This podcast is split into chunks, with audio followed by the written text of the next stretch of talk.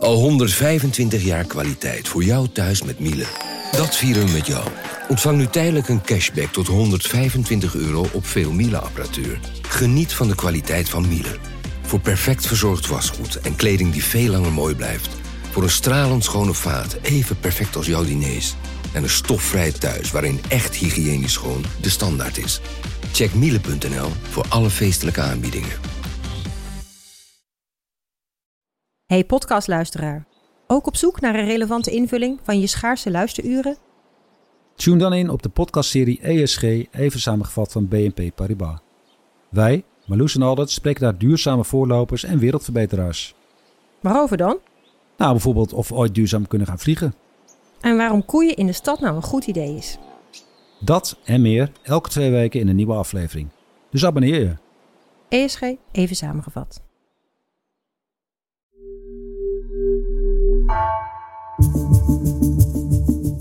Vanaf de redactie van NRC het verhaal van vandaag. Mijn naam is Floor Boon.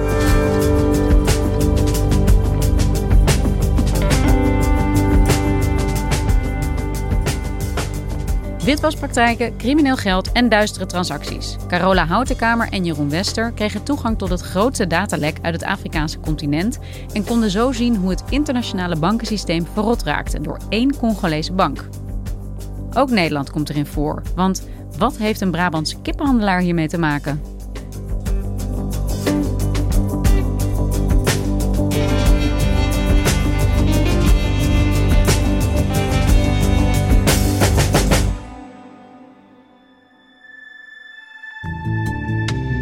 Begin dit jaar kregen wij toegang tot een uh, enorm datalek. De grootste ooit van het Afrikaanse continent. Afkomstig van een bank. Meer dan 3,5 miljoen documenten. Nog miljoenen uh, banktransacties die erin zaten. Dus wij gingen daarin kijken. En uh, waar moet je beginnen hè, bij zoveel miljoenen documenten? Dus je zoekt op Nederlandse woorden, op bepaalde BV's, op juridische termen. En al vrij snel kwam daar een kleine Nederlandse vleeshandelaar bovendrijven die enorme transactie deed. Een enorme transactie. Waar moet ik dan aan denken? Nou ja, op weekbasis tonnen die binnenkwamen uh, voor de handel in kippenvlees. Een Nederlandse handelaar in kippenvlees uit Den Bosch. Een bedrijfje met twee werknemers, Meat Plus BV. En toen wij rond gingen bellen voorzichtig in de vleessector, nou, toen bleek deze partij helemaal onbekend. En toen zijn Carola Houtenkamer, mijn collega en ik hierin gedoken. Kijken we hier wel naar vleeshandel of is dit iets anders? Nou, daarin moesten we ook heel voorzichtig opereren, omdat we nog in een heel vertrouwde omgeving met dat, dat datalek bezig uh, waren. Dus we kunnen niet zomaar blind iedereen opbellen. Zo gingen we stukje bij beetje, uh, haalden we meer informatie binnen over hoe dat nou precies zat. En toen bleek al heel snel van ja, uh, deze man is op een gegeven moment verantwoordelijk voor 15% van de totale kippenimport in Congo. Dus het waren aantallen en verhoudingen die uh, heel erg opvielen. En toen gingen we nog dieper kijken en toen bleek dat al die betalingen vooraf, een paar dagen vooraf, cash gestort werden in Democratische Republiek Congo. Kijk, als Unilever uh, 15% van de import van kippenvlees in Congo regelt, dan denk je ja, dat zou kunnen misschien. Hè? Maar dit was gewoon een individuele handelaar die daar zo'n enorme positie innam. En dat in combinatie met die cashstortingen, dat was wel uh, heel bijzonder. Ja. Dus wat zien we hier? We hebben een Nederlandse kiphandelaar die krijgt ontzettend veel geld uit Congo en daar wordt ja. cash gestort. Wat betekent dit? Ja, dat was, uh, dat was ook onze vraag. Wat, waar kijken we hier naar?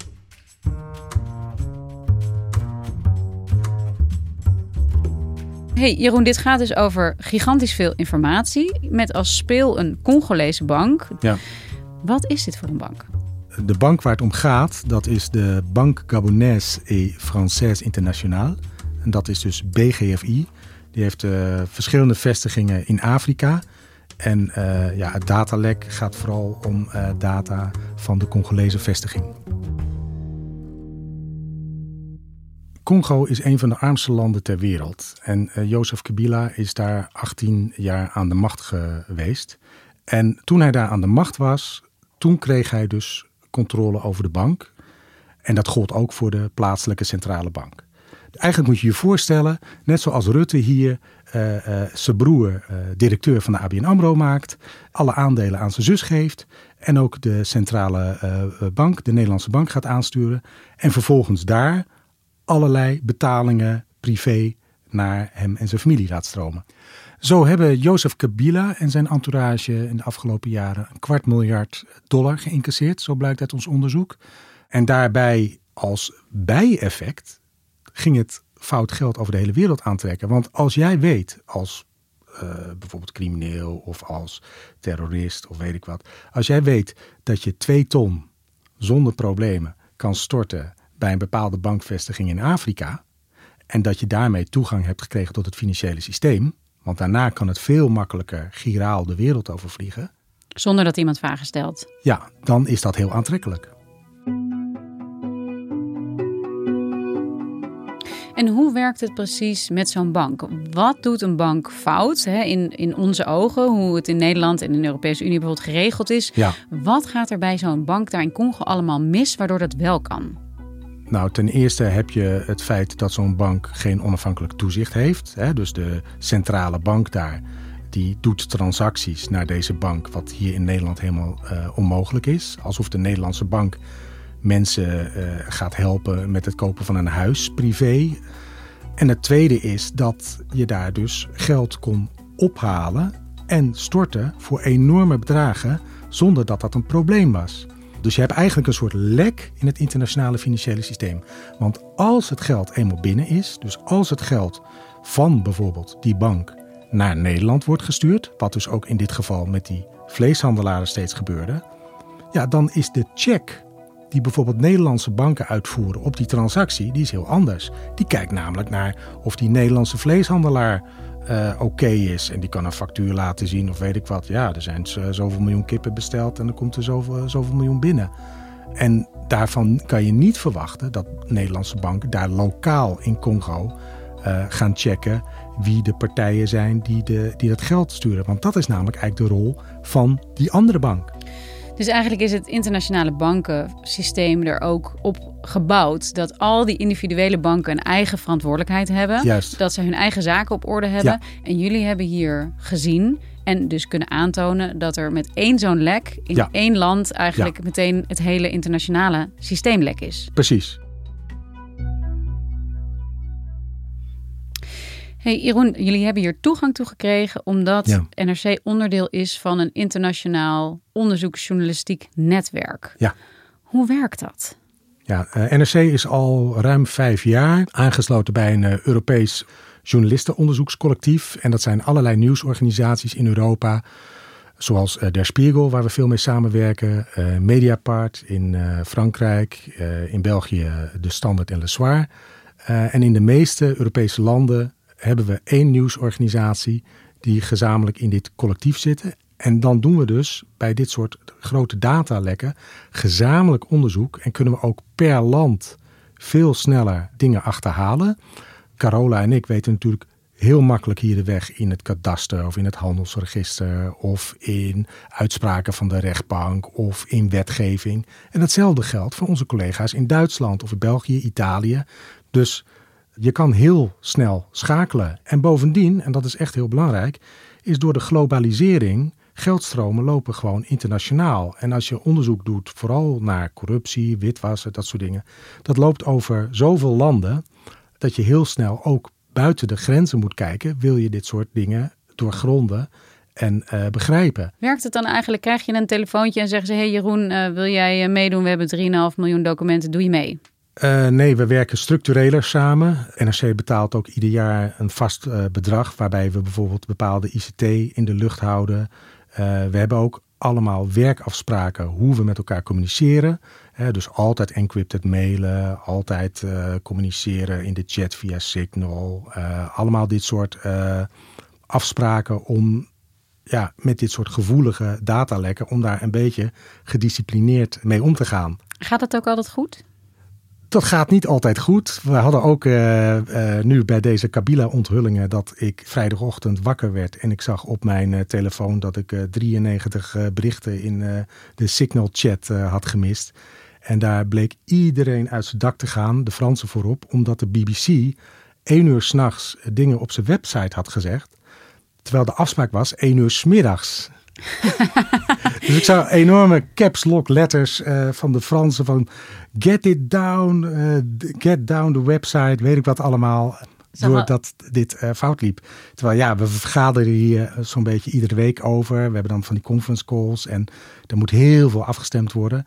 Wij, we, we, werkten in dit project met bijna 100 journalisten samen van 18 nieuwsorganisaties. Dus dan moet je echt ja, soms uh, heel strak afspraken maken. Maar was dit foutje 1 AM of 1 PM? Of ja, dit... dat, was echt, uh, dat was echt een foutje. Ja. ja. En in dit geval ging het dus om een datalek uit Afrika. Heel specifiek over Congo, over één bank. Ja. Wat is het belangrijkste dat dit jou en ons en NRC en daarmee eigenlijk gewoon het Nederlandse publiek heeft gebracht?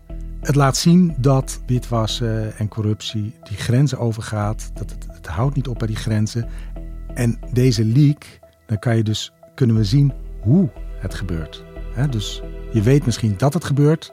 Maar het is natuurlijk ook als journalist je taak om dingen uit te zoeken en daar verslag van te doen. En wij kunnen zien hoe het gebeurt en hoe dan dus ook het internationale financiële systeem daar soms niet tegen bestand is. Ons onderzoek heeft ook aangetoond bijvoorbeeld hoe de Chinezen toegang hebben gekregen tot de rijke mineralen en mijnen van de Democratische Republiek Congo. Want qua grondstoffen is Congo zo'n beetje het rijkste land ter wereld. Het is ongelooflijk, maar er zit daar heel veel kobalt en heel veel coltan in de grond. Ja, dat zijn gewoon onmisbare grondstoffen voor smartphones en accu's voor elektrische auto's. Dus er is daar een enorme strijd om die grondstoffen. En dat hebben de Chinezen nu gewonnen eigenlijk. Maar ons onderzoek toont ook aan dat dat wel via corrupte deals is gebeurd. Dus eigenlijk hebben jullie kunnen laten zien dat Chinezen ja, eigenaar zijn van de belangrijkste grondstoffen in Congo. Ja. Uh, waardoor ook de opbrengsten daarvan niet ten gunste komen van de bevolking, Ja. maar gewoon regelrecht naar China vloeien. Ja, en een deel natuurlijk naar de zittende machthebbers. En dat is dan het eh, eh, corrumperende onderdeel daarvan. Maar jullie vonden ook een Nederlandse eh, kippenhandelaar. Ja. Is er dan ook meer duidelijk over waar die geldstromen vandaan komen? Wie er achter dat geld zit dat naar die Nederlandse kippenhandelaar toestroomt? Nee, dat is eh, ook het verbazingwekkende dat wij niet goed kunnen zien wat de herkomst van het geld is, omdat het grotendeels van cashstortingen afkomstig is. Dus dan weet je niet waar het vandaan komt. Wat we wel weten, al die miljoenen die we vonden eh, van de vleestransacties, daar was de opdrachtgever, de inkoper in Congo, was een Libanees. En Kassim Tajideen is een Libanese zakenman die op de sanctielijst staat van de Amerikanen. Want de Amerikanen zeggen, deze meneer financiert eh, de Hezbollah. En de Hezbollah vinden wij een terroristische organisatie, dus daar mag je geen zaken mee doen. Maar die bedrijven van hem, die kochten dat Nederlandse vlees in. Maar van welk geld kochten ze nou eigenlijk dat vlees in? Dat waren allemaal cashstortingen in Congo, waarmee het vlees van die Nederlanders werd betaald. Maar waar dat cash vandaan komt, dat weten we niet. Herkomst onbekend. Want onbekende herkomst, dan denk ik meteen dat is crimineel geld. Dat kan crimineel geld zijn, zwart geld. Ja, dat kan van alles zijn. Oké, dus er, er zit ineens een, iemand uh, vanuit de Amerikaanse sanctielijst is dan verbonden met dat kippenbedrijf. Maar Ja. wat, wat, wat zegt dat? Wat betekent dat eigenlijk? Ja, zeker. Dat is een, een, een- mix, een, een cocktail waarvan je denkt, wat, waar kijk ik hier naar Ja. en wat proef ik hier? Ja. Ja. Ja, dus dat al je journalistieke antennes gaan eh, rechtop staan. Van waar kijken we hier naar? Ja, want je ziet een Nederlands bedrijf. Je ziet in, in Congo doen ze zaken. En ze worden misschien wel gefinancierd door iemand die lid is van Hezbollah. Ja, en het geld loopt heel vaak via Malta. Nou, tel uit je winst. Is de vleeshandel een vehikel om wit te wassen? Is, kijken we eigenlijk naar witwassen en we doen het via vlees? In plaats van dat je naar vleeshandel kijkt, waarbij je ook een beetje zwart en onder de, onder de radar doet. En ik weet daar ook het antwoord niet op. En uh, Jeroen, we, weten jullie wel zeker dat deze handelaar ook dat die kip ook daadwerkelijk naar Congo toestuurt? Dat vroegen wij ons in het begin ook af. Van kijk wie niet naar papieren transacties. En zijn dit uh, net zoals uh, wel vaker gebeurt in dit soort constructies, dat er eigenlijk helemaal geen fysieke handel plaatsvond. Maar die vond wel degelijk plaats. Er gingen soms enorme schepen van Vlissingen naar Matadi, de haven in Congo. En daar ging dan zoveel tonnen kip op, 250 vrachtwagens vol. En uh, wat voor kip dat was, ja, uh, doorgaans het meest laagwaardige uh, soorten kip die je kan voorstellen. Ja, dat zijn kippenruggen, snavels, poten, MDM. Dat is een soort schraapsel wat van het karkas afgehaald kan worden en dan nog verwerkt kan worden in worsten. En dat is allemaal zo'n beetje onder de prijs van 1 dollar de kilo. In Nederland noemen we het over algemeen slachtafval. En daar wordt het verkocht voor uh, stoofpotjes. En wat zegt deze Nederlandse kippenhandelaar er zelf over? Ja, dus deze handelaar was zich ervan bewust. We hebben ook met hem gesproken. Die pakte gewoon zijn ordners erbij en die zei: Ja hoor, daar heb ik zaken mee gedaan. En die kwam ook hier op kantoor, et cetera. No problem. En die opereert in een omgeving, dat blijkt ook uh, uit wat hij tegen ons zei, dat hij heel erg gewend is om regels te overtreden. Dus dat is een, ja, een, een wilde moris, zeg maar, om, om zaken te doen. Maar we vonden nog een bedrijf wat zaken deed, een, een, een vleesbedrijf uit Nederland wat zaken deed met, uh, met. En dat bedrijf, dat is een veel groter bedrijf. Dat bedrijf heette toen Theeuwse Holding, met een paar honderd miljoen omzet. Die deed ook zaken. Dus daarmee overtreden ze de, de Amerikaanse regels. En daar zijn in het verleden ook uh, mensen voor bestraft. En er zijn in het verleden ook Nederlandse banken voor ge gestraft als zij dit soort regels overtraden. En spelen Nederlandse banken nog een rol op de een of andere manier? Ja, die spelen zeker een rol. Want dat geld wat vanuit Congo naar Nederland kwam, dat ging dan via Malta of New York, kwam het bij de Rabobank in Den Bosch binnen of bij ABN AMRO in Amsterdam. En die zijn, zeker de Rabobank, in het verleden wel gewaarschuwd tussen banken die daartussen zitten van hallo, we gaan deze transactie niet uitvoeren, want we hebben hier vraagtekens bij. Dus er zijn allerlei rode vlaggen rond deze transacties, maar we weten tegelijkertijd dat uiteindelijk wel dat geld allemaal door eh, de banken in Nederland is geaccepteerd. En wat zeggen de Nederlandse banken? Wat zegt ABN? Wat zegt Rabo? Ja, dus uh, de banken, zowel uh, ABN AMRO als Rabobank, uh, die gaan per definitie niet in op individuele relaties die ze hebben met hun cliënten. Maar Rabobank heeft wel gezegd, en dat is nieuws, dat door onze vragen dat ze een onderzoek zijn begonnen naar deze transacties. En daarnaast erkent de Rabobank dat internationaal het systeem uh, met afstemming, met dubieuze geldstromen, nog heel wat zwaktes kent. En ja, bestaat en opereert deze bank ook nog steeds ja. na al deze onthullingen? Deze bank bestaat nog steeds, maar is wel onderwerp van onderzoek in uh, Congo. En ook ik weet niet of het naar aanleiding van onze verhaal is, maar net deze week heeft de Centrale Bank van Congo bekendgemaakt om aanvullend nader onderzoek te doen naar de BGFI. En uh, komen er nog meer verhalen uit voort? Gaan we uit dit grote datalek nog meer verhalen zien? Of zijn jullie er al doorheen eigenlijk?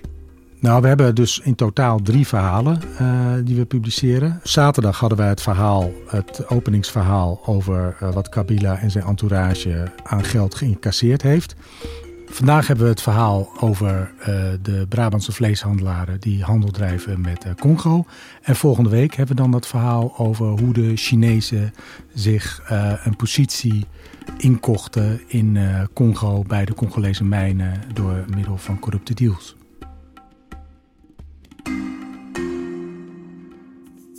Dankjewel Jeroen. Graag gedaan.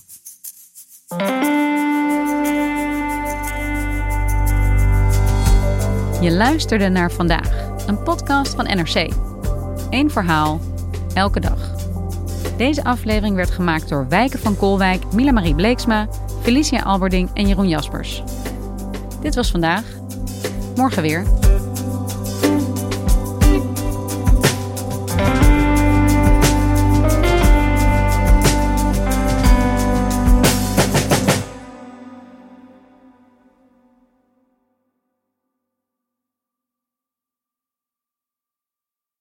Technologie lijkt tegenwoordig het antwoord op iedere uitdaging. Bij PwC zien we dit anders.